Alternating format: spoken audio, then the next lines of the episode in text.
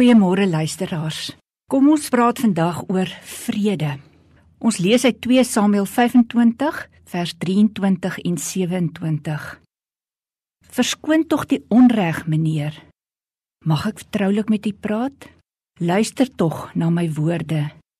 Neem tog nou hierdie blyk van goeie wense wat ek vir meneer gebring het. Konflik in ons stikkende leefwêreld is aan die orde van die dag. Dit skok ons eintlik nie meer nie. Ons het konflik mak geword.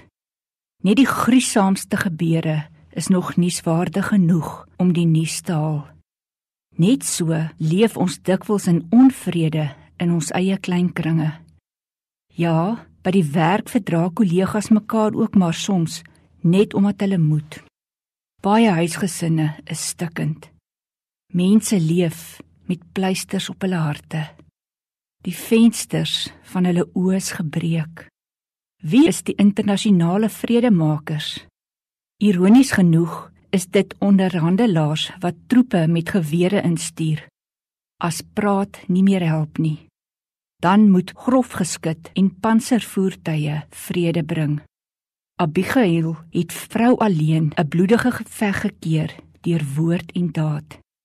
Twee hardkoppige mense wou hulle eer deur geweld beskerm, deur mekaar sonder meer net reg te sien, soos mense maar maak.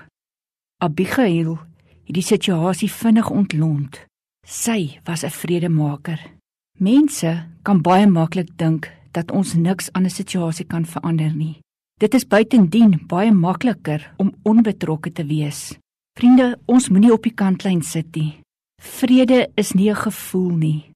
Wees 'n vredemaker in jou omgewing deur self jou eie stukkende verhoudings te gaan herstel. Tree tussen beide waar dit nodig is. Breek vooroordeele af. God sal jou die wysheid daartoe gee. Dit is ook begrip wat ons die vermoë gee om vrede te hê. Wanneer ons die ander persoon se standpunt verstaan, kan ons ons eie verskille gaan uitsorteer, het Harry Truman gesê. Kom ons bid saam. Here, ek wil baie keer nie betrokke raak waar daar onvrede is nie.